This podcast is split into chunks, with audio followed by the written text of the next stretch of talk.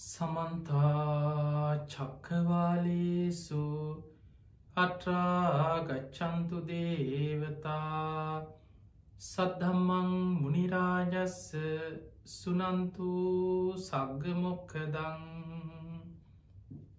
තමසවන කාලු අයංබදංතා දමසවන කාලු අයංබදංතා දමසවන කාලු අයංබදංතා නමුතස්ස භගවතු වරහතු සම්මා සම්බුද්ධස්ස නමුතස්ස භගවතු වරහතු සම්මා සම්බුද්ධස්ස නමුතස්ස භගවතු වරහතු සම්මා සම්බුද්ධස්ස හැම දෙනාටම තෙරවන්සාන ප්‍රාර්ථනා කරමින් අද ඔබ හැම දෙනෙක්ම කළම්බු ටෙලිවිෂන් මේ සඳහම් විකාශය ඔස්සේ පුන් පොහෝ දවසේ සිදුවන ඒ උතුම් ධර්මාණු ශාසනාවයි ශ්‍රවණය කරන්න සූදානන් වෙන්. අද මේ ධර්මාණු ශාසනාවේ පින්බර දායකත්වය දරන්නේ සෑම පුන් පොහෝ දවසක මෝස්ට්‍රේලියාවේ මෙල්බන් නගරයේ සිට මේ ධර්මදානමය පින්කම වෙනුවෙන් පෝයි දවසේ පින්බරදායකත්ති ධර්මය කටයුතු කරන මනුජිත් සමන්ත මහත්මා හර්ෂණී දිසානායක මහත්මිය කමායා සහ හිමායා කියන දියනිවරු ඒවගේම තරංග මායාදුන්න රුවනි හේරත් රයන් පුතා සහ සෙනායා දියනී ඇතුළු ඒ පවුල හැම දෙනා එකතු වෙලා අද මේ ධර්මදානමය පින්කම සිදු කරන්න. කිය අයගේ අරමුණු තමයි ධර්මදේශකයණන් වහන්සේට අපට නිදුක් නීරෝගි සම්පත්තිය තුනුරුවන්ගේ ආශිර්වාදය සැලසේවා කියලා ආශිර්වාද කිරීමත් නොවම්බර් මස දාහතරවෙනි දින විසියෙක් වෙනි උපන්දිනය සැමරූ කමායා ලියනගේ දියනියට නිදුක් නීරෝගි සම්පත්තිය තුනරුවන්ගේ ආශිර්වාදය සැලසේවායේ දියනගේ අධ්‍යාපන කටයුතු අනාගත කටයුතු සාර්ථක භාවයට පත්වේවා කියන ආශිර්වාද ප්‍රාර්ථනය. සුජීවත සිටින මෑනිවරුන්ට නිදුක් නීරෝගි සම්පත්තිය තුනුරුවන්ගේ ආශිර්වාදය දීර්ගාවිශම ලැබේවා කියන ආශිර්වාදයක් සංසාරගත මිය පරලොවගේ සියලූම ඥාතීන් මේ පින් අනමෝදන් වෙලා සංසාරදුකින් අතමි දේවා කියන ප්‍රාර්ථනයෙන් අද ඉල් පුන් පොහෝ දවසේ මේ ධර්මධාර්මය පින්කමේ පින් බරදායකත්ය දරන්න. තිේ බණහන හැම දෙනාටමත් දායකත්තේ දරු පිංහතුන්ටත් ඔබ හැම දෙනාටමත් මේ උතුම් ධර්මශ්‍රවනය නිවන් අවබෝධය පිණිස නිවන්දොරටුවක් බවට පත්වේවා කියලා ආශිර්වාද කරනවා මුලින්ම. පිංහතුනේ ඉල් පුන් පොහෝ දවස අද වගේ පුන් පොහෝ දවසක අපේ බුදුරජාණන් වහන්සේ පලවෙනි රහත් හැට නම අමතලා එදා ඉසි පතන මිගදායේදී පස්සක භික්‍ෂූන් වහන්සේලා ඇතුළු යසකුල පුට්‍ර ඇතුළු යාලූ පනස් හතර දෙනයි පස්සක භික්‍ෂූන් වහන්සේලා මේ සියලු දෙනා පළවෙනි වස් කාලේ ගත කරේ ඉසි පතන මිගදාය. අද වගේ පුන් පොහෝ දවසක බුදුරජාණන් වහන්සේ මේ අය අමතල දේශනා කරා චරත භික්කවේ චාරිකං. මහනිනි චාරිකාය වඩින්න. බහුජන හිතායි බහුජන සුකායි. බොහෝ දෙනාට හිත පිණිස බොහෝ දෙනාට සැප පිණිස. අත්තායි හිතායි සුකායි දේව මනුස්සානං. දෙව්මිනිස් ලෝකයාට හිතසූ පිණිස චාරිකාය වඩින්. ගම් නියම් ගම් පුරා වැඩම කරමින් මේ උතුම් දහම් පණවිඩේ දේශනා කරන්න. ආදි කල්්‍යයාන මජ්්‍යය කල්්‍යයාන පරියෝසාන කල්්‍යයාන මුල මැදාග කල්්‍යයාන වූ සීල සමාධි ප්‍රඥාවලින් යුක්ත වූ සාත්තං අර්ථ සහිතව සභ්‍යහාංජනං පැහැදිලි ප්‍රකාශන මාධ්‍යකින් පාරිසුද්දම් බ්‍රහ්මචරියම් පකාසේද. පිරිසිදු නිවන් මගම දේශනා කරමින් වඩින්න කියලා. හැට නමක් මහරහතන් වහන්සේ අමතලා බුදුරජාණන් වහන්සේ දේශනා කරමින් ඒ උතුම් මහරහතන් වහන්සේලා ප්‍රථම ධර්මදූත කණ්ඩායම ධර්ම ප්‍රචාරය පිණිස එදා දඹදියු තලේ ගම් නියම් ගම් පුරා එක මඟකින් එක නමක් බැගින් වැඩම කරමින් මේ දහම් පණවිඩේ කියාගෙන ඒ පිරිස පිටත් කරේ අද වගේ ඉල්පුන් පොහෝ දවසක. පිංහතුනේ එදා බුදුරජාණන් වහන්සේ දේශනා කරේ එක මගකින් එක නමක් වඩින්. එතකොට තවත් ප්‍රදේශයකට නැත්නම් දෙනම තුන්නම එකතු වෙලා කණ්ඩායම් වසයෙන් මේ ධර්මය ප්‍රචාරය කරගෙන යන්න ගියොත් තව බොහෝ ප්‍රදේශවලට ධර්මය ව්‍යාප්ත කරන්න තියෙන අවස්ථාව මඟ හැරෙනවා. ඒ වඩින ගමනේ උන්වහන්සේලා දැකී මාත්‍රයකින් පවා දර්ශනයෙන් පවා බුදුරජාණන් වහන්සේගේ ශ්‍රාවක සංඝයා දැකලා අනේ සාදු කියල වන්දනා කරත් මිනිස්සුන්ට අප්‍රමාණ පිනක් රැස් වෙනවා. හිත පහදවාගෙන දානි හැන්දක්ගේ පාත්තරයකට පූජ කරත් මහ විශාල පුුණ්‍ය ශක්තියක් ඒ මනුස්්‍යයන් රැස් වෙනවා. මිනිස්සුන්ට විතරක් නෙමේ අත්තායි හිතායි සුකායි දේව් මනුස්සාන. දෙව් මිනිස් ලෝකයාටම හිතසුව පිණිසයි ගම්නියම් ගම්පුරා වැඩම කරමින් දහම් දෙසන්න කිවි. පිංහතුනී බුදුරජාණන් වහන්සේගේ ශ්‍රාවකයෝ යම් ගමකට වැඩම කරලා ඒ ගමේ ප්‍රදේශය ඉන්න සමහරලාට දෙතුන් දෙනෙක් වෙන්න පුළුවන් පස් හය දෙනෙක් වෙන්න පුළුවන් බණහන්න ඉන්නේ අපි ඇස් දෙකින් නොදැක්කට ඒ දේශනා වහන්න භූමාටු දෙවියන්ගේ පටන් බොහෝ දෙවි දේවතාවරු පිරිලා ඉතිරිලා යනවා ඒ උතුම් බුදුරජාණන් වහන්සේගේ බණ පදහන් ඒ නිසා මනුස්සලෝකේ අපි එක්කෙනෙකුට දෙන්නෙකුට කීප දෙනෙකුට බණ කිව්වත් ඒ කරන දේශනාවේ යහපත අත්තායි හිතායි සුකාය දේව් මනුස්සානන් දෙව්මිනිස් ලෝකයාටම හිතසුව පිණිස පවතිනවා. දැම් බලන්න බුදුරජාණන් වහන්සේ දහම් දෙසනකොට මහරහතන් වහන්සේලා දහම් දෙසනකොට ධර්මී සඳහන් වෙනවා බුදුරජාණන් වහන්සේගේ ශ්‍රාවකයෝ බණ කියනකොට දෙවි දේවතාවරු වහසේ පිරිලා යනවා. ඒ විශේෂ දේවාරාධනාවක් කරන නිසාවත් මේ දෙවියන්ට අඩගහලවත් දැන් ඔබ දන්න අපි මේ ධර්ම දේශනාවක් කරනකොට අපි වෙනම දේවාරාධනාවක් කරනවා. සමන්තා චක්කවාලයේසු අට්‍රා ගච්චන්තු දේවතා. සද්ධම්මං මුනි රාජස්ස. මේ මුනින්ද්‍රයන් වහන්සේගේ සද්ධර්මය ශ්‍රවණය කරන්න. සුනන්තු සග්ග මොක්කදා ඒ බනහලා උතුම් නිවන අවබෝධ කරගන්න.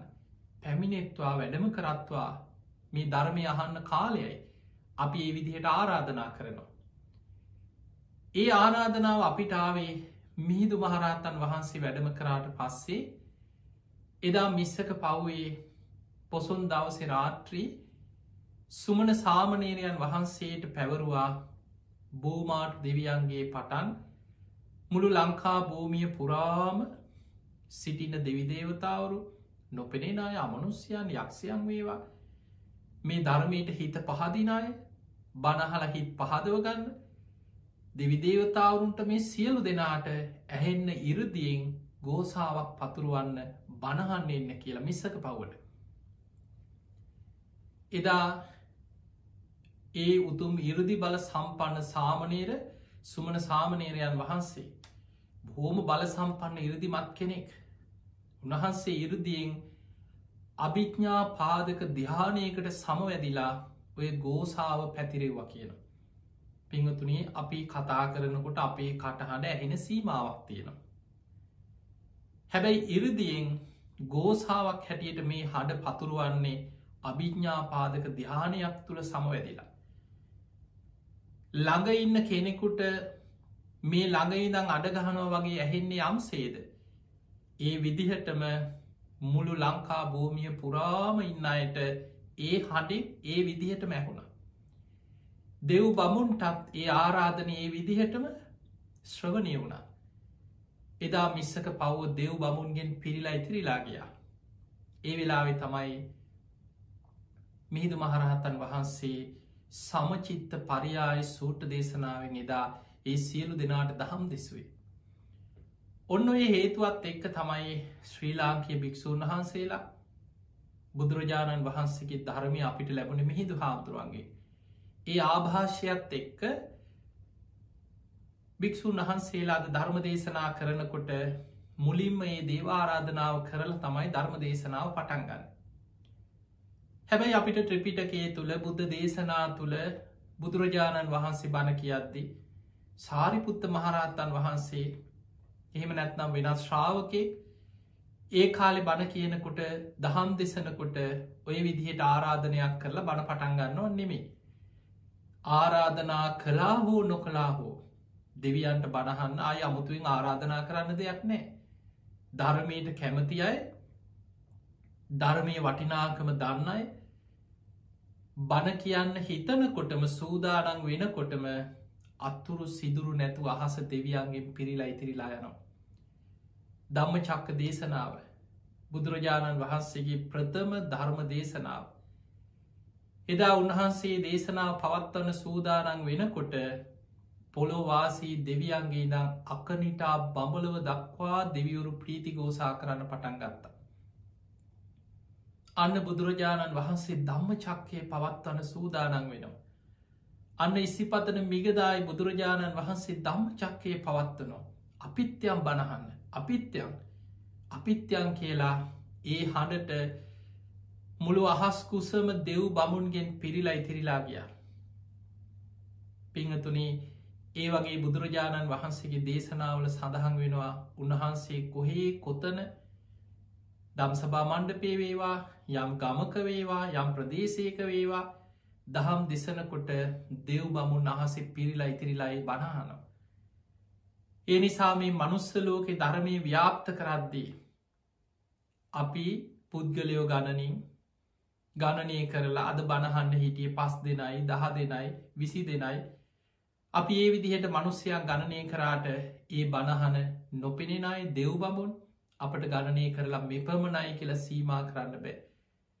එනිසයි බුදුරජාණන් වහන්සේ අද වගේ පුන් පොහෝ දවසක හැට නමක් මහරහතන් වහන්සේලා අමතලා ධර්ම ප්‍රචාරයට පිටත් කරදි දේශනා කරන්නේ මහනිනි ගම්නියම් ගම්පුරා වඩින මේ දිවිය ලෝකෙට ගිහිල්ල දෙවියන්ට හිත පිණිස දෙව්ලෝට ගිහිම් බණ කියන කතාවක් නෙමේතන කිව්වේ. ගම්නියම් ගම්පුරා වඩින්න. එක මගකින් දෙනමක් වඩින් අත් එපා. මනුස්සයන්ට හිත පිණිස අත්තායි හිතායි සුකාය දේව් මනුස්සානන් දෙව්මිනිස් ලෝකයාට අර්ථය පිණිස හිත පිණිස සැප පිණිස ඒ දේශනාවන් උපකාර වෙනවා. ඒ නිසා මුලමැදාග පිරිසිදු අර්ථ සහිත පැහැදිලි ප්‍රකාශන මාධ්‍යකින් පාරිසුද්දම් බ්‍රහ්මචරියම් පකාසේදී. මේ පිරිසිදු නිවන් මගම දේශනා කරමින් වඩින්න කියලා හැට නමක් මහරහතන් වහන්සේලා ධර්ම ප්‍රචාරයට පිටත් කරේ අද වගේ පුන් පොහෝ දවසක. බුදුරජාණන් වහන්සේ අද වගේ පුන් පොහෝ දවසක මහරහතන් වහන්සේලා හැට නමක් ධර්ම ප්‍රචාරයට පිටත් කරලා උන්වහන්සේත් වැඩියා උරුවල් දනවට. ඒ තමයි බුදුරජාණන් වහන්සේ උදෑසනින් මහා කරුණා සමාපත්තියෙන් බලනවා කාට දදමක් පිහිටවෙන්. කවු අද දවස මේ ධර්මය අවබෝධ කරගන්න පින්වන්තමයි කොහෙද ඉන්නේ අයි. බුදු ඇසට අරමුණු වෙනවා සංසාරය මහා පින්කරපු පුුණ්‍ය ශක්තිය ඇති අය බුදුරජාණන් වහන්සේ අය හොයාගෙන ගිහිල්ලා ඒ අයට ධර්මාවබෝධය ලබල දෙනවා. එදා බුදුරජාණන් වහන්සේ දැක්කා උරුවල් කාශය පැතුළු පන්සීයක් දෙෙන. නදී කාශය පැතුළු තුන්සීයක් පිරිස. ගයා කාශය පැතුළු දෙසීයක් දාහක් දෙනෙක්කින්නවා. මේ අය කල් පනූදහකට පෙර පුස්ස බුදුරජාණන් වහන්සේගේ කාලෙ බොහෝ පින්කරපු මහා පින්වන්තයි මේ අයට මේ ජීවිතයේ ධර්මය අවබෝධ කරවන්න පුළුවන් හැබැ යෝ නේ වෙනකොට උරුවල් කාශ්‍යප නදී කාශ්‍යප ගයා කාශ්‍යප තාපස පැවිද්දෙන් පැවිදි වෙලා තවස් දම් පුරනවා ගෝල පිරිසක් හැටියට අර පිරිස ඒ අය වටා එකතු වෙච්චායින්නවා දාහක් පිරිස. හැබැයි ඒ අයි හිතාගෙනින් ඒ අයි ධර්මය අවබෝධ කරා කියලා තමන් රහත් නොයි රහත් වනා කියන දෘෂ්ටියක බැසගෙන ඉන්න පිරිසක්. බුදුරජාණන් වහන්සේ උරුවල් දනවට වැඩම කරලා ඒ අයි දමනය කරන්න බොහෝ ප්‍රාතිහාර දැක්වා. කොහොම හරි බුදුරජාණන් වහන්සේ ඒ අයගේ සංසාර පින මතු කරලා ඒ දාහක් දෙනා දමනය කරලා ආදිත්ත පරියාය සූට්‍ර දේශනාවෙන් දහම් දෙසුව. උරුවල් කාශ්‍ය පැතුළු පන්සීයක් දෙෙන. නදී කාශ්‍ය පැතුළු තුන්සියක් පිරිසර. ගාකාශ පැතුළු දෙසීයක් මේ සියලු දෙනා උතුම් ධර්මය අවබෝධ කරගත්තා. ඊළඟට පිංහතුනී අද වගේ පුන් පොහෝ දවසක මෛත්‍රී බෝසතාණන් වහන්සේ අපේ බුදුරජාණන් වහන්සේකින් අවසාන වතාවට විවරණ ලබනවා. සිරිවර්ධන ගෘහපතියා හැටියට සංකස්සපුරේදී. එදා විවරණ ලැබුව මහනිනි මේ මහා පින්වන්ත කෙනා මේ සිරිවර්ධන ගෘහපතියා වෙන කවුරුවත් නෙමේ. මේ මහා බඩ්ඩ කල්පේ පස්වනි බුදුරජාණන් වහන්සේ හැටියට මෛත්‍රී නමින් සම්මා සම්බුද්ධත්වයට පත්වෙන කෙනා කියලා එදා විවරණ දුන්නා අපේ බුදුරජාණන් වහන්සේගේ විවරණ ගත්තේ මෛත්‍රී බෝසතාණන් වහන්සේ අද වගේ පුන් පොහෝ දවසක. ඒවගේ මයි ඔබ දන්නවා චීවර මාසේ අවසාන පුන් පොහොය චීවර මාසේ කියල කියන කටින මහා පින්කම් සිදු කරන මේ මාසේ. ඉල් පෝයේ තමයි අවසාන දවස කටින පින්කං කළ හැකි. ඒ නිසා ගිය පෝයඉදම් වප්පුන් පොහොයඉදම් ඉල් පොහොය දක්වා මේ මාසයට අපි ධර්මය කැන චීවර මාසේ. ඒ මාසේ තුළ තමයි පෙරවස් සමාදන් වෙච්ච ඒ ස්වාමීන් වහන්සේලා වප්පුන් පොහෝ දවසේ වස් පවාරණය කරාට පස්සේ මේ ඉල් පෝය දක්වාම මේ මාසේ තුළ කටින මහා පින්කම් ඒ කටින පූජා ආදී එවැනි පින්කං කරන්න තියෙන කාලේ තමයි මේ කාලේ. ඒවගේ මයි ඇසල පෝයි දවසේ පෙරවස් සමාදන් වෙච්ච ස්වාමීන් වහන්සේලා තමයි වස් පවාරණයෙන් පස්සේ උන්හන්සේලාට තමයි කටින මහා පින්කන් සිදු කරලා කටින චීවරයක් භාරගන්න පුළුවන්කමතිය. බැරි වෙලාවත් ඇසල පෝයි දවසේ වස් සමාදන් වෙන්න බැරි වෙනවා මග හැරෙනවා විශේෂ හේතු මත. එවැනි අවස්ථාවක ස්වාමීන් වහන්සේලා පසුව සමාදන් වනා නම් ඊළඟ පෝයට උන්වහන්සේලා වස් පවාරණය කරන්නේ අද වගේ පුන් පොහෝ දවස ඉල් පෝයි දවස තමයි පසුව සමාදන් වෙච්ච ස්වාමීන් වහන්සේලාගේ වස් පවාරණ කිරීම කටයුතු සිදු කරන්න. තේ වගේ විශේෂ කාරණා ඇදිච්ච පුන් පොහෝ දවසක් ඒවගේමයි පිංහතුනේ ලංකා භූමී තූපාරාම මහා සෑය කරවන කටයුතු ආරම්භ වෙන්නේ අද වගේ ඉල් පුන් පොහෝ දවසක. ඔබ දන්නවත් තූපාරාම මහා සෑය. බුදුරජාණන් වහන්සේ පිරිනිවන් පාණ්ඩ පෙර උන්වහන්සේ අධිෂ්ඨාන පහක් සිදු කරන. මහා බුද්ධ අධිෂ්ඨාන හැටියට අටුවා පොත්පත් තුළ සඳහන් වෙනවා. ඒ තමයි උන්වහන්සේදා මල රජදරුවන්ගේ උපවර්තන සාල වනෝද්‍යාන පිරිනිවන් මංචකී වැඩ සිටිද්දී පිරිනිවන් පාණ්ඩ පෙර අනාගතයේ දිහා බුදු ඇසින් දකිනවා. පෙර බුදුරජාණන් වහන්සේලගේ ආවිෂ දිහා ගනිද්දී. අපේ බුදුරජාණන් වහන්සේ අල්පාවිෂ ඇතුව වැඩ සිටිය අල්පාවිශ්ක බුදුරජාණන් වහන්සේ නම. ඔබහල ඇති මේ මහා බද්ධ කල්පේ මුලින් පහළ වෙච්ච කකුසඳ බුදුරජාණන් වහන්සේ හතලිස් දහසක් කියන ඒ කාලි මිනිස්සුන්ගේ ආවිෂ අදාපට හිතාගන්නවත් බෑ ආවිෂ ගැන. මේ මහා බද්ධ කල්පේ දෙවනි අන්තක් කල්පේ සම්බුද්ධත්වයට පත්වනේ කෝනාගමන බුදුරජාණන් වහන්සේ. උන්වහන්සගේ කාලෙ තිස් දහසක් මිනිස්සුන්ගේ සාමාන්‍ය ආයු අපේක්ෂාව බලන්න අපට හිතන්නවත් පුළුවන්ද කියලා. මේ මහා බඩ්ඩ කල්පයේ තුන්වෙනුව සම්මා සම්බුද්ධත්වයට පත්වෙන්නේ කාශ්‍යප බුදුරජාණන් වහන්සේ. ඒ කාලේ විසි දහසක් සාමාන්‍ය මිනිස්සුන්ගේ ආයු අපේක්ෂාව. නමුත් ඔබත් මම සරණ යන අපේ ගෞතම බුදුරජාණන් වහන්සේ පහළවෙනි මිනිස්සුන්ගේ ආවිශ අඩුම කාලෙක. ඒ වෙනකොට සාමාන්‍ය මිනිස්සුන්ගේ ආවිශ අවුරුදු එකසිය විස්සක් වගේ කාලයක්. දැන් බලන්න මේ අවුරුදු දෙදස් පන්සීය ගානක් යනකොට. ඒකසේ විස්සක් වගේ තිබිච්ච සාමාන්‍ය ආවිශත් කොච්චර අඩු වෙලාද. අද අවුරුදු එකසිය විස්සක් ජීවත්වෙන කෙනෙක් ඇ බුදු හාන්දුරන්ගේ කාලේ අපේ බුදුරජාණන් වහන්සේ වැඩ සිටිද්දි සාමාන්‍ය ආවිශ අවුරුදු එකසිය විස්ස වනාට ඊට වඩා වැඩිපුර බක්කුල මහරහතන් වහන්සේ අවුරුදු එකසිය හැටක් වැඩ හිටිය. අනුරුද්ධ මහරහතන් වහන්සේ අවුරුදු එකසිය පණහක් වැඩ හිටිය. තව බොහෝ ශ්‍රාවකයෝ ගැන සඳහන් වෙනවා එවැනි දීර්ගාවිශ ඇතුව වැඩ සිටියයි. නමුත් අද අපි කොච්චර විද්‍යාව දියුණුවේ තාක්ෂණයේ දියුණුවේ අද බොහෝම වෛද්‍ය විද්‍යාව දියුණුයි. අද නොයෙක් විදිහේ ශල්්‍ය කර්ම උපම හිතල බලන්න අද මොනවද කරන්න පැරි කියලා. තාම බෙල්ලක් විතරයි ගලවල තව මනුස්සෙකුට හයි කරලා නැත්තේ. පෙනහල් බද්ධ කිරීම් කරනවා වකු ගඩු බද්ධ කරනවා. නොඒක් විදිහ සැත්කම් කරනවා හිතාගණ්ඩ බැරි. විද්‍යාත්මක දියුණුවක් වෛද්‍ය විද්‍යාව අද ලෝකේ තුළ අපිට පේනවා. හැබැයි ඒ මොන පැත්තෙන් දියුණුව පෙනුනත් මිනිස්සුන්ගේ ආවිශ අඩු වෙනවා ඒක වලක්වන්න බැරි වෙලා තියෙනවා බෙහෙත්වලට විටමින් වර්ගවලට එක බෙහෙතක් හොයාගන්නකොට තව ලෙඩරෝග ගණනාවක් ලෝකෙ මතුවෙනවා. හිතාගන්න බැරි විදිේ රෝග දවසින් දවස බලවත්වෙනවා එක තමයි ස්වභාව ධර්මය හැටි. මිනිස්සු ස්වභාව ධර්මය පරද්දන්න මොන තරම් උපක්‍රමේදුවත් ස්වභාව ධර්ම ඉදිරී මිනිස්සු පරදිනවා. අද වෙනකොට සාමාන්‍ය ආවිශවුරුදු හැත්තෑවක් හැත්ත පහක අසුව වගේ ආවිශක් සාමාන්‍ය මිනිස්සුන්ට තියෙන. මිනිස්සුගේ ආවිශ ගොඩා කඩුවල් අවුරුදු සීයෙන් පහලට පිරිහිලා. කලාතුරකින් අවුරුදු අනුවක් සීයක් එකසිය එකක් දෙකක් ඉන්න කෙනෙක් ගමක ඥාතීන් අතර කොහේ හරි අපිට ආරංචියක් හොයාගන්න පුළුවන්. නමුත් සාමාන්‍ය මිනිස්සුන්ගේ ආයු අපේක්ෂාව ගනිද්දී අද අවුරුදු හැත්තෑව හැත්ත පහසූ අතර.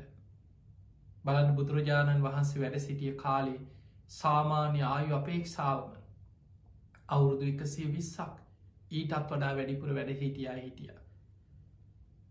පිංහතුනේ බුදුරජාණන් වහන්සේ පිරිනිවන් පාන්න පෙර පිරිනිවන් මංචකේදී මේ කාරණය දකිනවා අනාගතයේ තව බොහෝ පින් ඇතියි ලෝක පහළ වෙනවා දැම් බලන අපේ බුදුරජාණන් වහන්සේ උන්වහන්සේ සම්බුදු කෘත්තිය ඉටු කරමින් වැඩහිටිය බුදුවෙලත් අවුරුදු හතලිස් පහයි.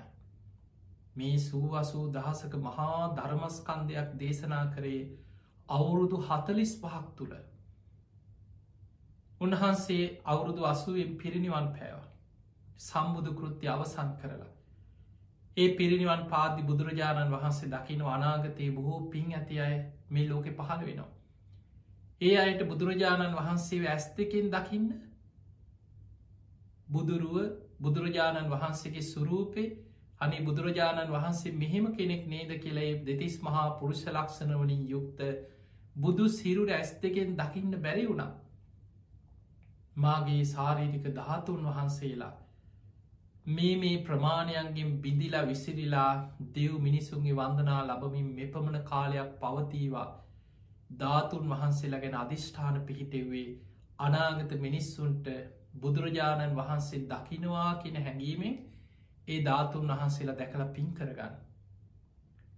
ඒ අනු බුදුරජාණන් වහන්සේ අධිෂ්ඨාන කරා විශාල ධාතුන් වහන්සේලා හත් නම ලලාට ධාතුන් වහන්සේ අකුධාතුන් වහන්සේලා දෙනම ඊළඟට සූවසූ දහසක ධර්මස්කන්ද ස්පර්ස වෙච්ච ශ්‍රී මුකේ වැඩ සිටිය ඒ දළදා වහන්සේලා අතරින් සුදු බුදුරැස් විහිදිච්ච සතර දළදා වහන්සේලා. නොකැඩී නොබිදී නොවිසිරී ඒ විදිහටම පවතීවා කියල අධිෂ්ඨාන කර. අනෙක් සියලූම ධාතුන් වහන්සේලා මුම් පියලි ප්‍රමාණයට කඩ සහල් ප්‍රමාණයට අබෑට ප්‍රමාණයට බිඳිලා විසිරිලා ගිය. එතකොට මේ අතර මහා අධිෂ්ඨාන පහක් බුදුරජාණන් වහන්සේ පිරිනිවන් මංචකේදී සිදු කරනවා එන් අධිෂ්ඨාන තුනක්ම ජයශ්‍රී මහ බෝධීන් වහන්සේ හා සම්බන්ධයි. ජයශ්‍රී මහ බෝධී දක්ෂිණ සාකාව ලංකාවට වැඩමවීම පිණිසරන් කටාරමක් කරගෙන ධර්මාසෝක රජතුමායි භූමියයට පැමිණිච්ච වෙලාවේ තමන් විසිම්ම වෙං වෙලා මුල් විහිදවාගෙන කටාරම තුළ පිහිටාවා කියල අධිෂ්ඨානයක් කර. ඊළඟ අධිෂ්ඨානය තමයි රන් කටාරමස් සමඟ බෝධීන් වහන්සේ අහසට පැනනැගලා සතියක් දෙව්බමුන්ගේ වන්දනා ලබමින් අහස්සි වලාගේ බාතර රැඳේවා කියල අධිෂ්ඨානයක් කර. තුන්ගනි අධිෂ්ඨානය තමයි ජයශ්‍රී මහා බෝධී දක්ෂිණ සාකා බෝධීන් වහන්සේගේ බෝ පත් අතරින් සවනක් ගන බුද්ධ රශ්මි ධාරා විහිදේවා කියල අධිෂ්ඨාන කර. ඒ විදිහට මේදා ජයශ්‍රී මහා බෝධී දක්ෂිණ සාකාව ලංකාවට වඩම්මුවන්න සූදානන් වෙන වෙලාවේ බුද්ධගයා වජිරාසන භූමියේදී ඒ ප්‍රාතිහාර බුද්ධ අධිෂ්ඨානය සිදුවනා කියල අප ඉතිහා සඳහන් වෙනවා. ඒ වගේම බුදුරජාණන් වහන්සේ අධිෂ්ඨාන කරා අනාගතයේ මාගේ ශාරීරික ධාතුන් වහන්සේලා අතර වැඩිම ධාතුන් වහන්සේලා ප්‍රමාණයක් ද්‍රෝණයක් ස්වර්ණමාලි නම් මහා සෑයක් තුළ ලංකා භූමියේ දුටු ගැමුණු නම් රජ කෙනෙක් තැම්පත් කරන්න සූදානන් වෙන වෙලාවේ. කරඩු අහසට පැනනැගලා ද්‍රෝණයක් ධාතුන් වහන්සේලාගෙන් අහසේ බුදුරුවක් මැවිලා. යමා මහ පෙළහර පෑමක් සිදුවේවා කියලා අධිෂ්ඨානයක් කර පිරිනිවන් පාණ්ඩ පෙර. ඊළඟ අධිෂ්ඨානය තමයි අනුරාධපුර තූපාරාම නමින් මහා සෑයක් කරවලා ඒ චෛත්‍යයේ මාගේ දකුණු අකුධාතුන් වහන්සේ තැම්පත් කරන්න සූදානන් වෙන වෙලාවේ. ඒ අකුධාතුන් වහන්සේ අහසේ බුදුරුව මවාගෙන යමා මහ පෙළහර පෑමක් සිදුවේවා කියලා අධිෂ්ඨානයක් කර. පිංහතුනි ඉල් පුන් පොහෝ දවසකයි තූපාරාම මහා සෑය කටයුතු ආරම්භ කරේ. බුදුරජාණන් වහන්සේගේ විශාල්ම ධාතුන් වහන්සේලා අතර දකුණු අකුධාතුන් වහන්සේ බෙල්ලේ සිට දකුණු අත දක්වා පිහිටි උරහිස් අස්තිය දකුණු අකුධාතුන් වහන්සේ. දෙව්ලව සක්‍ර දෙවියන් ළඟයි තිබුණේ. ධාතුන් වහන්සේලා බෙදන වෙලාවි සක් දෙවිඳු තමයි දකුණු අකුධාතුන් වහන්සේ දෙව්ලොවට අරගෙන ගිහිල්ලා සිළුමිනි මහා සෑය තැන්පත් කරේ. පසුව මිහිදු මහරහතන් වහන්සේ සුමන සාමනේරයන් වහන්සේ අතේ සක්‍ර දෙවියන්ට පණවිඩයක් කැරිය. සක්‍ර දෙවියෝ ළඟ දකුණු දළදා වහන්සේත් වැඩඉන්නවා දකුණු අකුධාතුන් වහන්සේත් වැඩඉන්නවා. බෝසතාණන් වහන්සේ අභිනිස්ක්‍රමණය කරද්දී කෙස් වැටිය කපල අහසට විසිකරපු වෙලාවේ ඒ සියලු කේෂධාතුන් වහන්සේලා දෙව්ලොව සිලිමිනි සෑ වැඩ සිටිනවා.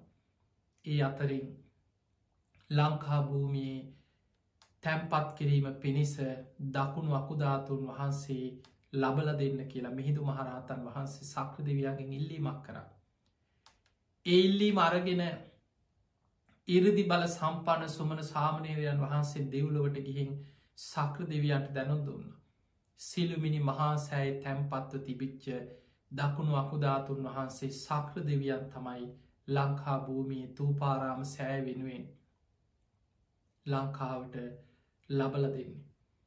අන්නේ අකුධාතුන් වහන්සේදා තූපාරාම මහා සෑයි තැම්පත්වෙන වෙලා ඒ දවසේ බුදුරුව මවාගෙන බුදුරජාණන් වහන්සේගේ බුද්ධ අධිෂ්ඨානයට අනුව යමා මහ පෙළහර පෑමක් සිදුවනා කියල ධර්මය සඳහන් වෙනවා. පිංහතුනි ඔබ දන්නවා යමා මහ පෙළහර පාන්න පුළුවන් බුදුරජාණන් වහන්සේ නමකට පමණයි. සාරිපුත්ත හාමුදුරුවන්ට ඉර්දි බල සම්පන්න භික්‍ෂූන් අතරින් අග තැන්පත් මුගලං හාමුදුරුවන්ටවත් වෙනත් කිසිම ශ්‍රාවකයකුට මේ ශාසනය තුළ නොයෙක් ඉර්දි ප්‍රාතිහාර පාන්න පුළුවන් අයි හිටිය හැබැයි යමා මහා පෙළහර පාන්න පුළුවන් බුදුරජාණන් වහන්සේ නමකට පමණමයි. බලන්න බුදු කෙනෙකුට පමණක් කළ හැකි ප්‍රාතිහාරයක් බුදුරජාණන් වහන්සේගේ අධිෂ්ඨානය මත උන්වහන්සේ පිරිනිවන් පාල බොහෝ කාලිකට පසුව ධාතුන් වහන්සේලාගෙන් බුදුරුවක් මැවිලා යමා මහ පෙළහර පෑමක් සිදුවනා කියනකොට අපිට ඒකෙන් තේරෙනවා බුද්ධ අධිෂ්ඨාන කොච්චර බලවද්ද ධාතුන් වහන්සේලා තුළ කොයි තරම් බුද්ධ ශක්තියක් තියෙනවද. ඉරදි බල සම්පන්න මුගලං හාමුදුරුවන්ටවත් කළ නොහැකි යමා මහා ප්‍රාතිහාරය බුදුරජාණන් වහන්සේ පිරිනිවන් පෑවට පස්සේ උන්වහන්සේගේ අධිෂ්ඨානය මත ධාතුන් වහන්සේලා බුදුරුව මවාගෙන ඒ ප්‍රාතිහාරි සිදුවනා. එවැනි අසිරිමත් මහා ප්‍රාතිහාරයක් සිදුවෙච්ච. තූපාරාම මහා සෑයි කටයුතු ආරම්භ වනේ අද වගේ පුන් පොහෝ දවසක. ඊළඟට පිංහතුනි මේ බුද්ධ ශාසනය තුළ ධර්ම සේනාධිපතින් වහන්සේ. සාරිපුත්ත මහරහතන් වහන්සේගේ පිරිනිවන් පෑම සිද්ධ වෙන්නේ අද වගේ පුන් පොහෝ දවසක. සාරිපුත්ත මහරහතන් වහන්සේ කියන්නේ ඒකා සංකේය කල්ප ලක්ෂයක්. පාරමී පිරුවා අසංකීයකුත් කල්ප ලක්ෂයක් අග්‍රශ්‍රාවක තනතුර ප්‍රාර්ථනා කරගින්. මේ බුද්ධ ශාසනයේ බුදුරජාණන් වහන්සේගේ අප්‍රශ්ාවකයන් වහන්සේ බවට පත්වේ. සසරි මහා පින් කරලා පාරමී පුරලා එදා උපතිස්ස තරුණය දැම් බලන්න අර පලවෙනි රහත් හැටනම ධර්ම ප්‍රචාරයට පිටත් වනේ ඉල්පුන් පොහෝ දවසක. ඒ හැටනම අතරින් තමයි අස්සජී මහරහතන් වහන්සේ. අර පස්සක භික්‍ෂූන් වහන්සේලා අතර කොන්නඥ වප්ප බද්ධිය මහානාම අස්සජී. අන්නේ අස්සජී මහරහතන් වහන්සේ තනියම දැන් හැටනම තනිතනියෙන් එක එක පාරවල ධර්ම ප්‍රචාරයට වැඩම කරේ උන්වහන්සේ පාරක් දිගේ සාන්ත ඉරියව් ඇතුව බොහෝම සංවරව උන්වහන්සේ පාත්තරය අරගෙන වඩිනෝ.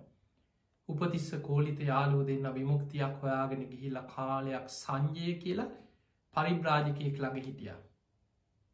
මේ අයටම තේරුණා එතන තමන්ට අවශ්‍ය විමුක්තියක් ලැබෙන්නේ. පස්සෙ මේ යාලෝ දෙන්න එතනින් පිටත් වෙලා ටික දුරක් එකට ඇවිල්ල දෙන්න කතා වුණා අපි දෙන්න දෙපැත්තට බෙදිලයා.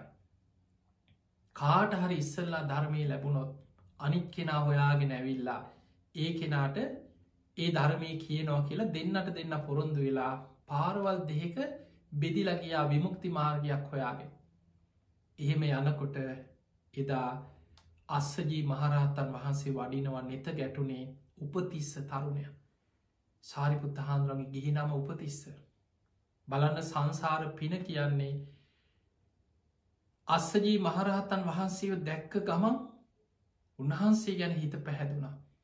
මේ උත්තමයන් වහන්සේ නම් දමනී වෙච්ච කෙනෙක්. යම් උතුම් ධර්මයක් ප්‍රගුණ කරපු කෙනෙක් පාටයි. උන්වහන්සේගේ මට පිහිටක් ලබාගන්න පුළුවන්.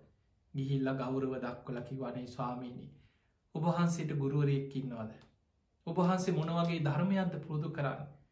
උබහන්සේ නම් බොහොම සංවරයි සාන්තයි දමනය වෙච්ච කෙනෙක් පාටයි. අනේ මටත් ඒ දන්න ධර්මය කියලා දෙන්න කියව.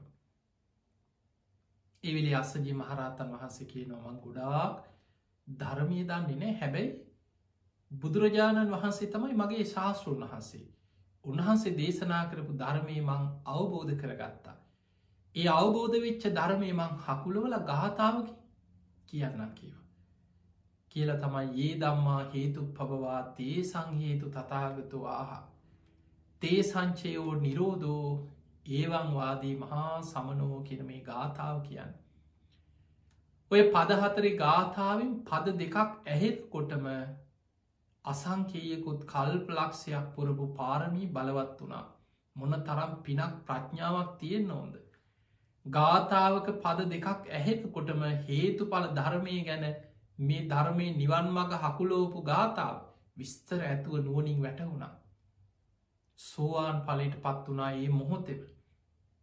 සක්කායදිට්ටි විචිකිච්චා සීලබ්බත පරාමාස ත්‍රවිධ සංයෝජන ප්‍රහාණී වෙලා චතුරාරි සත්තයේ සත්‍ය ඥානය ඇති වෙලා සෝවාන් පලට පත් වනා අර ගාථාව පද දෙකක් ඇහෙනකොට. ඊට පස්සේ තමන්ගේ යාලුව හොයාගෙන ගිහිල්ලා කෝලිතටත් මේ මඟ කීවත්. සංජය ළඟට ගිහිල්ලා ඒ පිරිසට කිව් අපිට නිවන් මක හම්බුන අන්න බුදු කෙනෙක් පහළ වෙලා යම් සංජය කිව්වනේ මට නම් බෑ මට මේ පිරිසක් ඉන්නවා මට මෙහෙම හොඳයි කිව්. අර පන්සීයක් දෙන අතරින් දෙසිය පනාක එකතු නපියනවා. ඒ ඇත් එක්ක බුදුරජාණන් වහන්සේ මුණ ගැහෙන්න යනවා. එදා අපේ බුදුරජාණන් වහන්සේ වේල් වනාරාමි වැඩ සිටිද්දී ඈත තියාම සංඝයාට පෙන්නනවා මේ තරුණයෝ දෙන්න දෙසේ පණහක යාළු මිත්‍රයන් පිරිසක් පිරිවරාගෙන බුදුහාන්දුර හොයාගෙනෙන්නේ. බුදුරජාණන් වහන්සේ ඈත තියා වෙනකොට පෙනෙනවා මහණනි අර ඇතින් එන්න පිරිස අතර ඉදිරියෙන් එන අර තරුණයෝ දෙන්න. ඔය තමයි මේ බුද්ධ ශාසනය අග්‍රශ්‍රාකවුරු දෙන්න මහා පින් ඇති දෙන්නෙක් කොයෙන්නේ. ඒ උතුම් සාරිපුත්ත මහරහතන් වහන්සේ. බුදුරජාණන් වහන්සේට පවන් සල සලයින් නැති තමයි දීගනක කියන පරිබ්‍රාජකයාට බුදුරජාණන් වහන්සේ දේශනා කරපු වේදනා පරිග්ගහ කියන සූට දේශනාව අහගෙන බුදුරජාණන් වහන්සේට පවන් සල සලයින් නැද්දී උන්වහන්සේ උතු මරහත්වයට පත්වෙන්. ධර්ම සේනාධිපතින් වහන්සේ. බුදුරජාණන් වහන්සේගේ ධර්ම චක්‍රයේ ඒ විදිහටම පවත්වන්න පුළුවන් භික්‍ෂූන් වහන්සේලා අතරින් සාරිපුත්තයන් වහන්සේ අග්‍රයි. බුදුරජාණන් වහන්සේගේ දේශනාව ඒ විදිහටම සිදු කරන්න පුළුවන්. එවැනි මහා ප්‍රඥා ඇති සාරිපුත්ත මහරහතන් වහන්සේ බුදුරජාණන් වහන්සේ පිරිනිවන් පාන්න අවුරුද්ධකට පෙරයි අග්‍රශ්‍රාවකයන් වහන්සේලා දෙනමම පිරිනිවන් පාන්න. එක ලෝක ධර්මතාවයක්. බුදුරජාණන් වහන්සේට පෙර අගසව් දෙනම පිරිනිවන් පානවා ඒ සෑම බුද්ධ ශාසනයකම සිදුවෙන කාරණය. එදා සාරිපුත්ත මහරහතන් වහන්සේ බැලුවා උන්වහන්සේගේ ආවිශ අවසන් වෙලා පිරිනිවන් පාන දවස ලං වෙනවා. මං කොහෙද පිරිනිවන් පාන්න කියලා උන්වහන්සේම බැලුවා කොතනද මට සුදුසු. ඒ වෙනකොට සාරිපුත්ත හාන්දුරන්ට වැටහුණා සාරිපුත්ත හාන්දුරුවන්ගේ මෑනියෝ අම්මා රූපසාරී බැමිණිය මිත්‍යා දෘෂ්ටියේ තාමත් ඉන්නේ. දරු ඔක්කෝම පැවිදි වෙලා රහත් වෙලා සාරිපුත්ත හාදුර තමයි වැඩි මහල්ම සහෝදරය. ඊළඟට චුන්ද මහරහතන් වහන්සේ. උපසේන මහරහතන් වහන්සේ. ඊළඟට නංගිල තුන් දෙනෙ හිටිය චාලා උපචාලා සිසු උපචාලා ඔක්කොම් පැවිදි වෙලා රහත් වුණ. බාලම සහෝදරයක් කදිර වනේ රේවත මහරහතන් වහන්සේ. දරු ඔක්කෝම පැවිදි වෙලා රහත් වෙලා.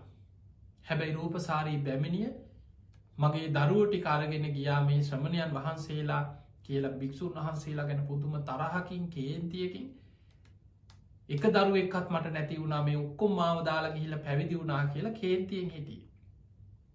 රූපසාරී බැමිණිය අදහාගෙන ඉන්නේ මහා බ්‍රහ්මයන තමයි අදහාගෙන ඉන්නේ. බ්‍රාහ්මණ ආගමේ මහා බ්‍රහ්මයනව තමයි අදහගෙන ඉන්නේ.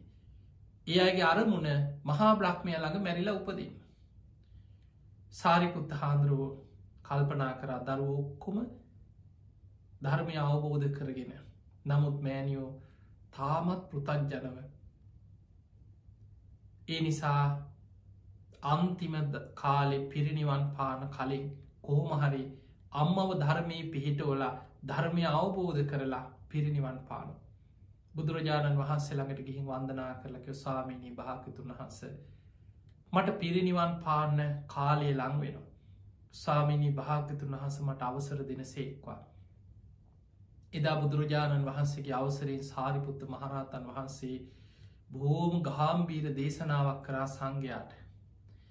බුදුරජාණන් වහන්සේ අවසර දුන්නා සාරිපුත්ත ඔබ කොහිද පිරිනිවන් පාන. ස්වාමීනී මං මගේ ගමට ගිහිල්ල මගේ නිවසි පිරිනිවන් පාන කල්පනා කර සාරිපුත්ත ඔබ තනියමද මේ ගමන යන්න නෑස්වාමිනී භාගතුන් වහන්ස චුන්ද මහරහත්තන් වහන්සේත් පන්සීයක් ශිෂ්‍ය භික්‍ෂූන් වහන්සේලාත් මේ ගමනට මා සමග ඉන්න චුන්ද හාන්දුරුව යන සාරිපුත්ත හාන්දුරුවන්ගේ සහෝදරය. බුදුරජාණන් වහන්සේකින් අවසරාරගෙන බුදුරජාණන් වහන්සේට වන්දනා කරලා සාරිපුත්ත මහරහතන් වහන්සේ පෙළහර පාල වන්දනා කරගෙන වැඳගෙන ජේත වනාරාමෙන් පස්සෙන් පස්සට බුදුරජාණන් වහන්සේ නොපෙනෙන තෙක් පසු පස්සට වැඩම කරලා මේ ගමන පිටත්වෙනකොට බුදුරජාණන් වහන්සේ සංඝයාමතලකින මහනෙන සාරිපුත්ත මහරහතන් වහන්සේ පිරිනිවන් පාන්න වඩිනෝ. සාරිපුත්ත හාන්දුරුව පිරිනිවන් පෑවට පස්සෙ මේ බුද්ධ ශාසනයේ එක අඩක්ම පාලුවට ගියා වගේ දැනේ සාරිපුත්තයන් වහන්සේ යම් ප්‍රදේශයක වැඩ හිටියද ඒ ප්‍රදේශයේ සංඝයා ගැන බුදුරජාණන් වහන්සේට ආයමත් බුදුවැස වෙහෙසවලා ඒ අය ගැන විශේෂ අවධානයක් යොමු කළ හොයන්න අවශ්‍යනෑ සාරිපුත්ත හාන්දුරුමේ ශාසනය අම්ම කෙනෙක් වගේ මහනෙන සාරිපුත්තයන් වහන්සේ පිරිනිවන් පාන්න යන ගමනේ සාරිපුත්ත හාදුරන්ට ගෞරවයක් වසයෙන් උන්වහන්සේ සමඟ පෙරගමන් යන්න කිව නගර දොරටුව ළඟට යනතේ. බොහෝ සඟ පිරිසක් සාරිපුත්ත හාන්දුරුව සමඟ නගරෙ දොරටුව ළඟට යනතෙක් පෙරගමන් ගිය. එතනදි සාරිපුත්ත හාදුරු සංඝයාගෙන තවසරාරගෙන චුන්ද මහරහතන් වහන්සේ පන්සීයක් භික්‍ෂූන් වහන්සේලා සමඟ සාරිපුත්ත හාමුදුරුව පිටත් වනා රජගහනුවර උන්වහන්සේගේ ග්‍රාමයට අද නාලන්දාව කියල හඳුන්නන භූමිය තමයි ඒ කාලෙ සාරිපුත්තයන් වහන්සේගේ උපන් ගම වෙලා තිබුණේ. සාරිපුත්ත මහරහතන් වහන්සේ වැඩම කරා. ඉස්සලාම ගෙදරට ගීනෑ මොකද අම්ම කැමති නෑ තරහයි භික්‍ෂූන් වහන්සේලා මගතොටේ දැක්කත් බැනවදනවා. හැබැයි අසලට උන්වහන්සේ වැඩම කරලා පණ විඩයක් කැරිය. අන්න සාරිපුත්ත හාමුදුරුව චුන්ද මහරහතන් වහන්සේ තවත් භික්‍ෂූන් වහන්සේලා ඇවිල්ලා ඉන්නවා කියලා. හැබැයි අම්ම හිතුවා ආව දැන් ඇවිල්ල ඉන්න කමන්න කාලයක් ගිහිල්ල හරි ආපහු ආවන ඉතින් ගෙදර හොයාගෙන කියලා අම්ම හිතුවේ දැම් මේ ගෙදර ඉන්නාව කියලා අවසර දුන්න අවසර අරගෙන නිවසට ගිහිලා තමන්ගේ ගිහි කාලෙ හිටපු කාම්බරේම උන්වහන්සේ වැඩ සිටිය. හැබැයි සාරිපුත්ත හාන්දුර ඒ වෙනකොට උන්වහන්සේගේ බඩේ අමාරුවක් උත්සන්න වෙලා ගිහි කාලේ දන් තිබිච් අසනීපයක් හැටියට ධර්මය විස්තර වෙනවා සාරිපුත්ත හාන්දුරගම බඩේ අමාරු. උන්වහන්සේට ලේත් එක්ක බඩේලිය යනු. ලේ වමන යන පඩික්කම් පිරෙන්න ලේ යනවා කියන. උන්වහන්සේ පිරිනිවන් පෑව ගිලන් වෙලා ඒ බඩේ අමාරුව මුස්සන්න වෙලා.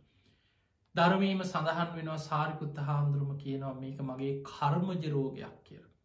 පිංහතුනී සංසාරි සමහර කර්මජ රෝග විපාක දියයුතු කර්ම පිරිනිවන් පාන ආත්මෙත් විපාක දෙනවා අවසාන ආත්මය පවා. ධර්මී සඳහන් වෙනවා එදා රාත්‍රී මහා ආශ්චරයමත් දේවල් රැසක් ඒ නිවස සිද්ධ වනා අද වගේ පුන් පොහෝ දවසකට. හැබැයි අම්ම නෙමේ යාව සාරිපුත්ත හාදුරන් බලන්න වඳින්නවා.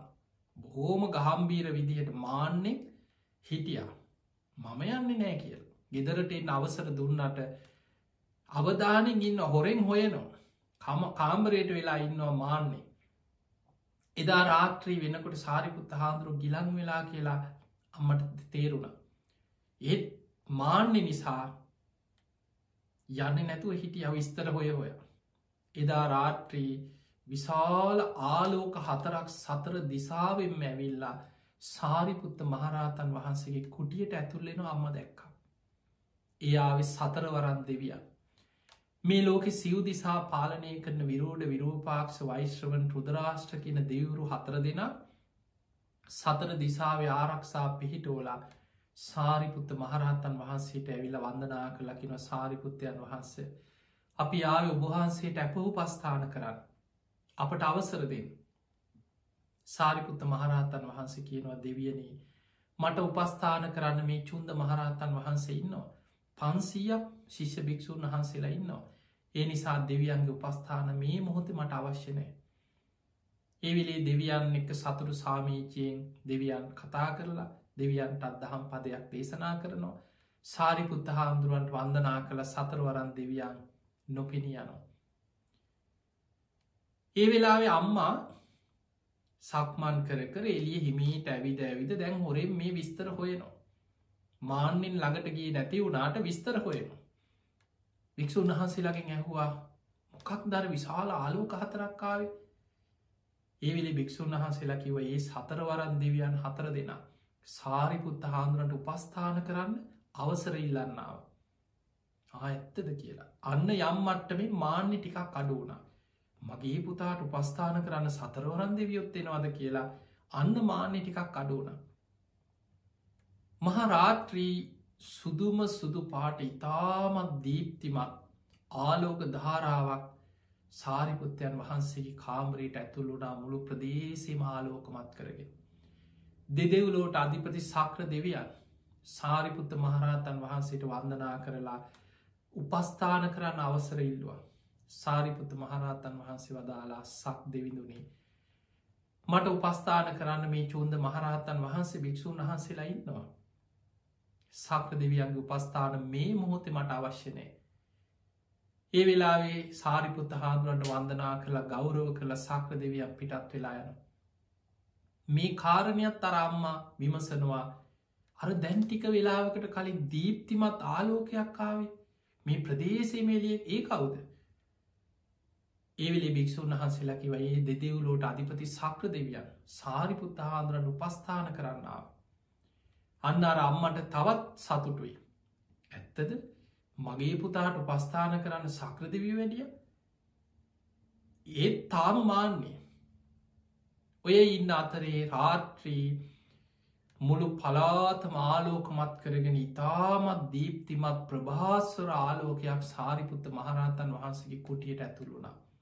ඒ තමයි මහා බ්‍රහ්ම දෙවියන්. බඹලවට අධිපති මහා බ්‍රහ්ම දෙවියන් පවා සාරිපුත්ත මහරහතන් වහන්සේට වන්දනා කරලා ඉල්ලීමක් කරා වහන්සේට උපස්ථාන කරන්න මට මේ මොහොතේ අවසර දෙන්න. සාරිපුත්ත මහරහතන් වහන්සේ කියනවා මහා බ්‍රහ්ම දෙවිඳුනේ. මට උපස්ථාන කරන්න මේ චුන්ද මහරහත්තන් වහන්සේ පන්සියක් භික්‍ෂූන් වහන්සේලා සිටිනවා. ඒ නිසා ඔබේ උපස්ථාන මේ මොහොතේ මට අවශ්‍ය නෑ. ඒ වෙලා සාරිපුත්ත හාදුරු සමඟ කතා බහ කරලා ගෞරව කළ සාරිපුත්ත හාදුරන්ට වන්දනා කරලා මහා බ්‍රහ්ම දෙවියන් නොපෙනී ගිය. අන්නේ වෙලාවේ අර අම්මා මේ ආලෝකය ගැන අවධානයෙන් පුදුමයට පත්වෙලා මේ තරම් දීප්තිමත් ආලෝකයක් මුළු පලාත මාලෝකමත් වෙලා කිය. ඒ කවුද කියලා ඇහුව. අන්න භික්‍ෂූන් වහන්සේලා කියනවා මෑනියන ඒ මහා බ්‍රහ්ම දෙවියන්. මේ රූපසාරී බැමිණිය ජීවිත කාලෙම අදහාගෙන වන්දනා කරගෙන මහා බ්‍රහ්මය අදාගෙන හිටිය.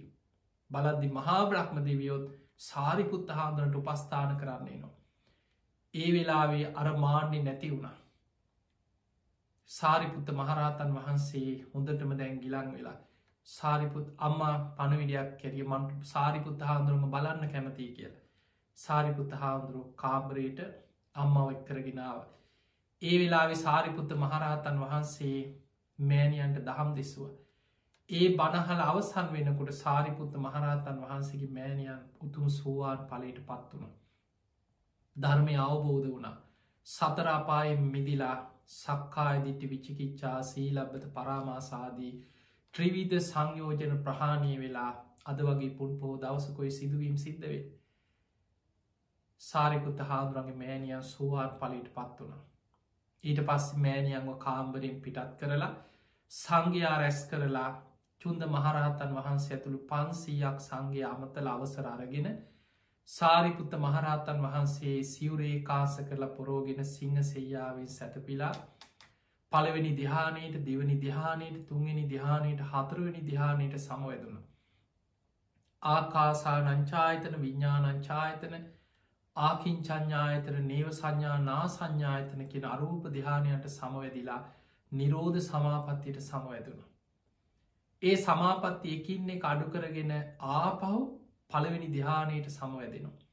පළවෙනි දිහානයෙන් දෙවනි දිහානයට දෙවනි දිහානයෙන් තුන්ගෙන දිහානයට තුන්ගෙන දිහානයෙන් හතරවනි දිහානයට සමවැදිලා හතරවනි දිහානය මොහොතක් රැඳීදලා ඒ දිහානෙන් උන්වහන්සේ පිරිනිවන් පාවදාලා අද වගේ පුන් පොහෝ දවසක.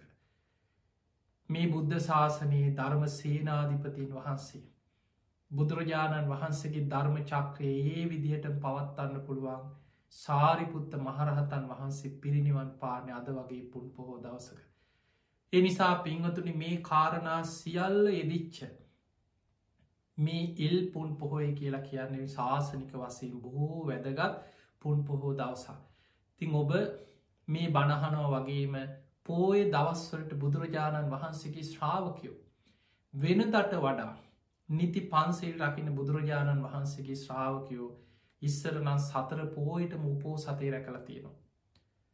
අද අඩුගානය ඔබ පසලොස්සක පෝයටවත් පුරුදුවෙන්න. උත්සාහ කරන්න. වීරි ඇති කරගන්න මං කොහොමහරි පසුලොස්සක පෝයට හරි මගේ ජීවිතය උපෝ සත සීලයක් ආරක්ෂා කරනු. ගෙදර ඉඳං හරි සමහරලාට පන්සලට යන්න පරිසරයක් නැතිවෙන්න පුළුවන් තාම මේ වසංගත තත්ත්වයක් එක්ක ලෝකේ බොහෝ රටවල් වල වේවා බොහෝ තැන්වල අපේ රටේ වේවා සිය දහස් ගනම් පිරිසට එකතු වෙලා පින්කං කරන්න සුදුසු පරිසරයක් තාම ලෝකෙනෑ හැබැයි ඔබ ඉන්න තැන ඉඳං හරි අද ඕන තරං අපිට බණහන් හම්බෙන අන්තර්ජාලයෙන් රූපාහිනි මාධ්‍යවලේ පෝයි දවසකට කොච්චර නම් බණහන්න තියෙනවද ගෙදර ඉඳං හරි බණහන්න උතුම් සීලේක පිහිටලා උපෝසත සීලයක් ආරක්ෂා කරන්න.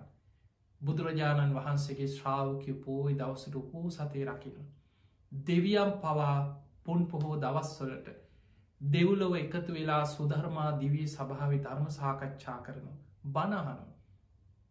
ජනවසභ සූට්‍ර සඳහන් වෙනවා සනන්ත් කුමාර කියන බ්‍රහ්ම දෙවියන් සුද්ධවාස බඹලව ඉඳං ඇවිල්ලා සුධර්මා දිවිය සභාව පෝයි දවසට දෙවියන්ට දහම් දෙසනවා කියලා. දෙවිවරුත් දෙව්ලොව එකතු වෙලා බණහන දවස පින්කං කරන දවස. මනුලොව ඔබත් මේ මනුස්ස ජීවිතය තුළ අපිට ලැබිච්ච උතුම්ම ලාබය තමයි බුද්ධ ශාසනය ලැබීම සද්ධාලාබය ලබන් වාසනාව ලැබී. අන්නේ අවස්ථාවෙන් උපරිම ප්‍රයෝජනයක් කරගෙන. මේ මනුස්ස ජීවිතය අවසන් වෙන්න පෙර ඔබ හැම දෙනාටම සද්ධහාදී ගුණධර්ම දියුණු කරගෙන සීලාදී ගුණධර්ම බලවත් කරගෙන මේ ලැබිච්ච මනුස්ස ජීවිතය තුළ උතුම් වූ ධර්මීම දියුණු කරගන්න ධර්මීම අවබෝධ කරගන්න ඔබ හැම දෙනාටම වාසනාව ලැබේවා ලැබේවා ලැබේවා කියලපි ආශිර්වාද කරන. පිහතුනී අද ධර්මශ්‍රවනින් ඔබ රැස් කරගත් සියලු පින සියලු දෙවියෝ සාධු කාරදිදී මේ පින් අනුමෝදන් වෙත්වා. දෙවියන්ගේ පිහිට රැකවරන ආශිර්වාද ඔබ හැම දෙනාටම ලැබේවා. ඒ සියලු දෙවියන්ගේ පිහිට රැකවරන ආශිර්වාදයෙන් ඔබ හැම දෙනාටම නිවන් අවබෝධය පිණිසම මඟ විවරවේවා කියලපි ආශිර්වාද කරනවා. ති අද දායකත්තේ දැරූ මනුජී සමන්ත මහත්මා හර්ෂණි දිසානායක මහත්මිය කමායාසා හිමායා කියන දියනිවරු තිවස්ටේලියාවේ මෙල්බර්් නගරේ වෙසෙන ඒ පවුලේ හැම දෙනාට මත් නිදුක් නිරෝගේ සම්පත්තිය සියල දෙවියන්ගේ පිහිට ආශිර්වාදය උතුම් ධර්මාබෝධය පිණිසම මේ පින ආශිර්වාදයක් වේවා කිලපි ආශිර්වාද කරමු. තරංග මායාදුන්න රුවනි හේරත් රයන් පුතනුවන් සෙනයා දියනි ඇතුළුවේ හැම දෙනාටමත්. මිදුක් නිරෝගේ සම්පත්තිය තුනුරුවන්ගේ ආශිර්වාදයම ලැබේවා කියන ආශිර්වාද ප්‍රාර්ථනයක් සඳහන් වෙනවා. අරමුණු හැටියට සඳහන් වෙන ගෞරුණී දේශකරන් වහන්සේට නිදුක් නිරෝගී සම්පත්තිය තුනුරුවන්ගේ ආශිර්වාදය ලැබේවා කියලාපිට ආශිර්වාද කිරීමත් නොවම්බර් මස දාහතරවෙනි දින විසියෙක්වෙනි උපන්දිනය සැමරූ කමායාල් ලියනගේ දියනියට නිදුක් නීරෝගී සම්පත්තිය තුනුරුවන්ගේ ආශිර්වාද උතුම් ධර්මාවබෝධය පිණිසම ඒ පවුලි දරුවන්ටත් හැම දෙනාටමත් මේ ධර්මදානමේ පින ආශිර්වාදයක් වේවා කියන ආශිර්වාද ප්‍රාර්ථනය. ඒවගේම සුජීවත සිටින මෑනිවරුන්ට නිදුක් නීරෝගී සම්පත්තිය තුනුරුවන්ගේ ආශිර්වාදය දීර්ඝාවිශම ලැබේවා කියෙන ආශිර්වාද ප්‍රාර්ථනයක් සංසාරගත මිය පරලෝගිය සියලූම ඥාතීන් මේ පින් අනුමෝදන් වෙලා සංසාරදුකින් අතමි දේවා කියලා පින් අනුමෝදන් කරනවා. පිහතුනි ධර්මය ශ්‍රවණය කරපු ඔබත් අධිෂ්ඨාන කරගන්න අද මේ පුන් පොහෝ දවසේ මේ ධර්මදානමේ පිනෙන් ඔබ හැම දෙනාටමත් බණෑසූ ලක්වාසී ලොවාසි හැම දෙනාමත් නිදුක්වේවා නිරෝගිවේවා සුවපත්තේවා හැම දෙනාට මුතුම් ධර්මාවබෝධය පිණිස මේ පින ආශිර්වාදයක් පාරමිතාවක් වේවා වේවා කියලපි ආශිර්වාද කරනවා. හොම ඇදගන්න ආකාසට්ඨා චබුම්මට්ඨා දේවානාගා මහිද්දිකා පුඥ්ඥන්තං අනුමෝදිත්වා චිරන්රක්කන්තුලෝක ශාසනං ආකාසට්ඨා චබුම්මට්ඨා දේවානාගා මහිද්දිකා පුඥ්ඥන්තං අනුමෝදිත්වා චිරන්රක්කන්තු දේශනං ආකාසට්ඨා චබුම්මට්ඨා දේවානාගා මහිද්දිකා පුඥ්ඥන්තං අනුමෝදිත්වා චිරන්රක්කන්තුතුවං සදා හැම දෙනාටම සම්මා සම්බුදු සරණ